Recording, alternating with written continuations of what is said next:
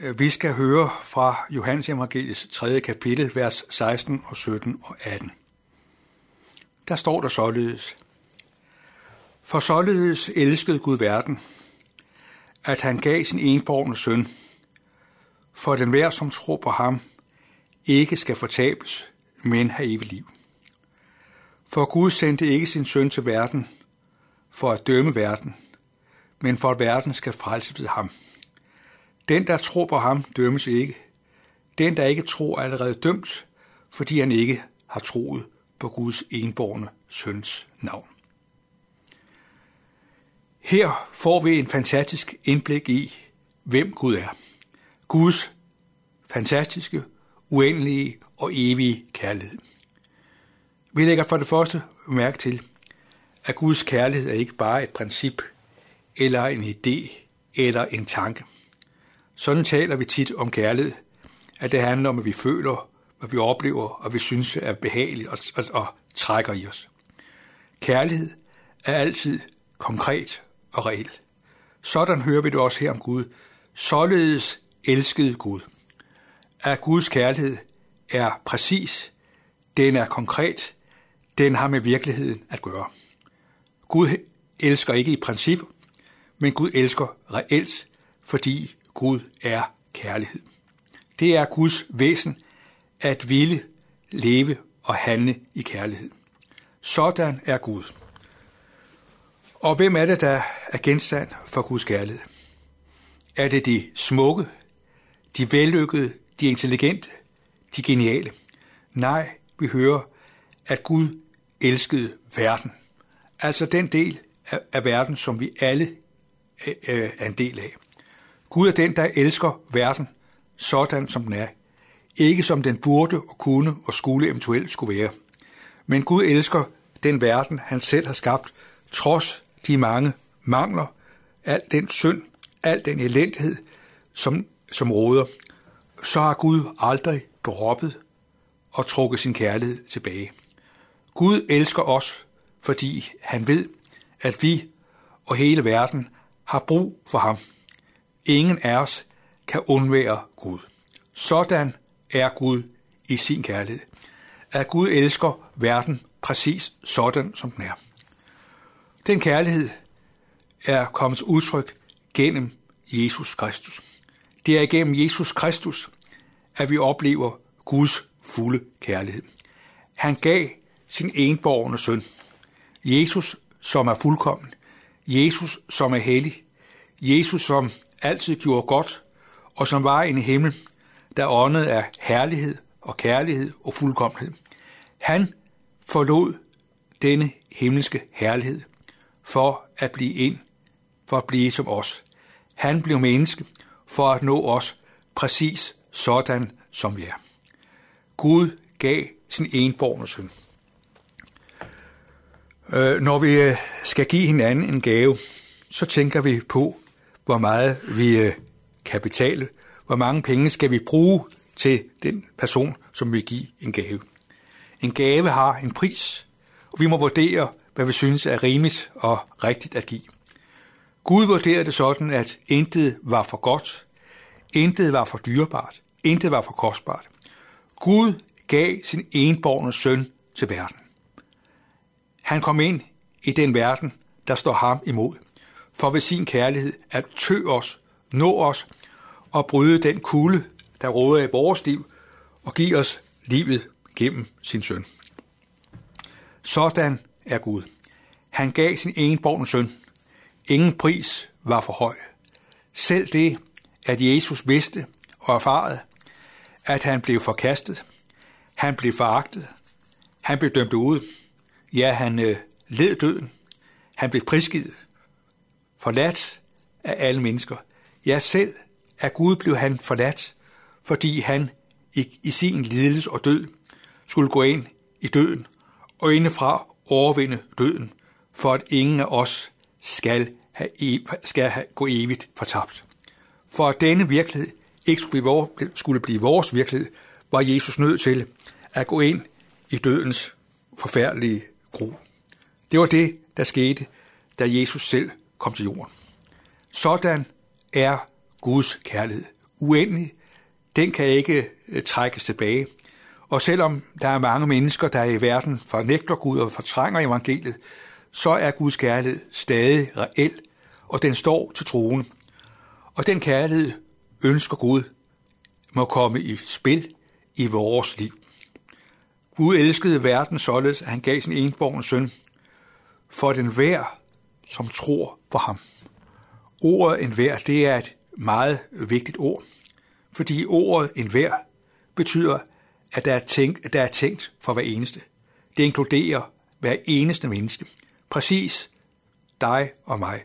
En hver, som tror på ham. Det er den fantastiske virkelighed.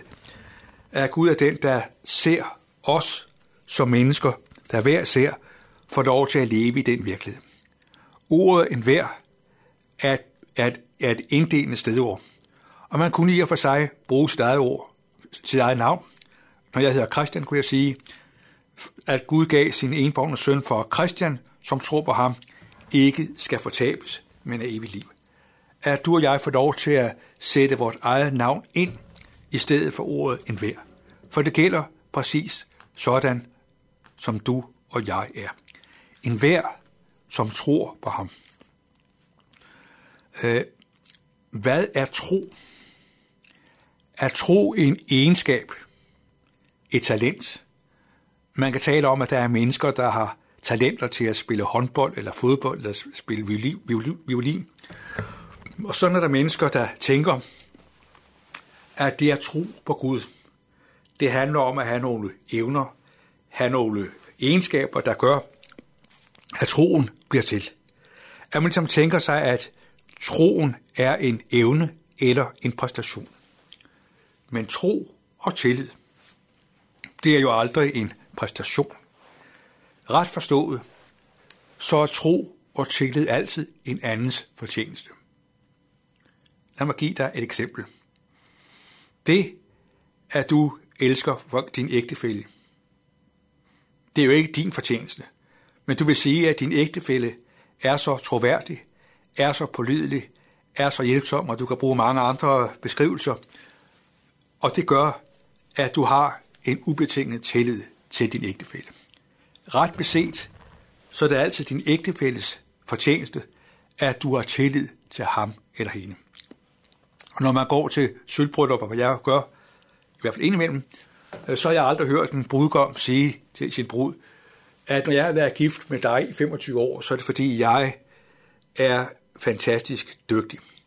Men jeg har hørt så mange brudgomme fortælle om deres kære brud, at du var så sød, du var så tålmodig, du var så hjælpsom. Så det har været en gave for mig at kunne leve i tillid og nærhed med dig. Så tro og tillid er altid en andens gave, en andens fortjeneste. Du møder en, der er i ordets bedste forstand elskværdig, værd at elske, en, der er troværdig, en, der er værd at tro på. Sådan er troen altid Jesu fortjeneste. At det er fordi Jesus er, som han er, at han er værd at tro på. Og derfor hører vi også en anden sammenhæng, at Jesus er troens banebryder og fuldender.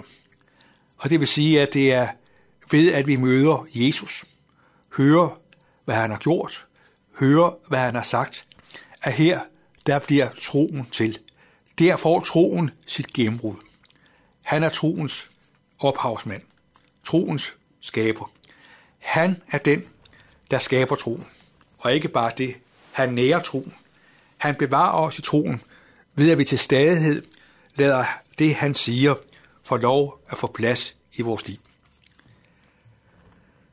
Vi får lov til at tro på ham, for at vi ikke skal fortabes.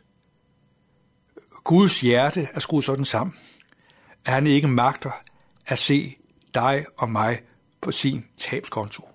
Det var derfor, Jesus kom, fordi han vil, at du og jeg skal vindes for ham. At når du og jeg bliver fundet af ham, så har Gud gjort et fantastisk fund. Sådan ser Gud det. Han ser det som en fantastisk fund, at du og jeg er fundet. Sådan at vi skal have evigt liv. Evigt liv. Det betyder jo, at det er et liv, der altid er til. Et liv, som ikke bliver slået ud af kurs. Et liv, som døden ikke kan sætte en punktum for. Sådan er det på det menneskelige plan, at øh, når vi er døde og lagt i graven, så er vores liv afsluttet. Menneskeligt talt. Men åndeligt talt, der er virkeligheden helt anderledes. Her har vi delt et liv, der er uden ophør. Det kan godt være, at vi mærker sygdom og svaghed og forkrænkelighed. Men midt i det, som vi oplever, er skrøbeligt og fyldt med lidelse og vanskeligheder, der er virkeligheden den, at vi har del i det liv, som er evigt. Det har vi, ikke fordi vi kan fastholde det liv, men fordi Gud giver os det liv, fordi Gud ved sit ord og ved sin ånd fastholder det liv for os. Øh, det at øh, leve har jo det element med sig, at vi spiser og drikker hver dag. Livet har brug for næring og, og, og frisk luft, for at livet kan fungere. Sådan er det også åndetalt, at vi har hver dag brug for at høre Guds ord, at lade det Gud siger ånd ind i vores liv, sådan at det bliver pulslaget i vores liv, sådan at vi får lov til at leve i det perspektiv, at selvom alt det vi oplever, øh, som går til grunde, så har vi alligevel det, der varer evigt, det evige liv. Og sådan er det jo også at være menneske, at vi til stadighed må sige farvel, både til det ene og det andet. Øh, vi kan ikke blive ved med at have vores arbejde, vi bliver ikke ved med at have vores familie, vi bliver, ved, vi bliver på en måde, kan man sige, at livet på en måde er et langt farvel. Inden den sammenhæng er det forunderligt godt at vide, at der er noget, der består, noget, som er urokkeligt, noget, som ikke bliver slået ud af kurs. Og det er det evige liv. Det evige liv, som Gud under os. Således elskede Gud verden, at han gav sin enborgne søn, for den hver, som tror på ham, ikke skal fortabes, men have evigt liv. Det er din og min rigdom og virkelighed. Amen. Lad os takke og bede. Himmelske Far, vi øh, takker dig, fordi du har en urokkelig, evig kærlighed. Tak fordi den blev konkretiseret ved, at du lod Jesus komme ind i den verden. Tak fordi du gav afkald på alt. Tak fordi du gik ind i døden for os. Tak fordi du opstod, for at vi skal have evigt liv. Vi beder om, at du ved din gode helligånd, men lad den virkelighed være vores virkelighed. Vi takker dig for livet, du har givet os. Giv du os det, du ser, vi har brug for i dag. Vi beder om, at du bevarer os og alle vores kære, nær og fjern. Tak fordi du får lov til at overgive os og alle vores kære til dig. Amen.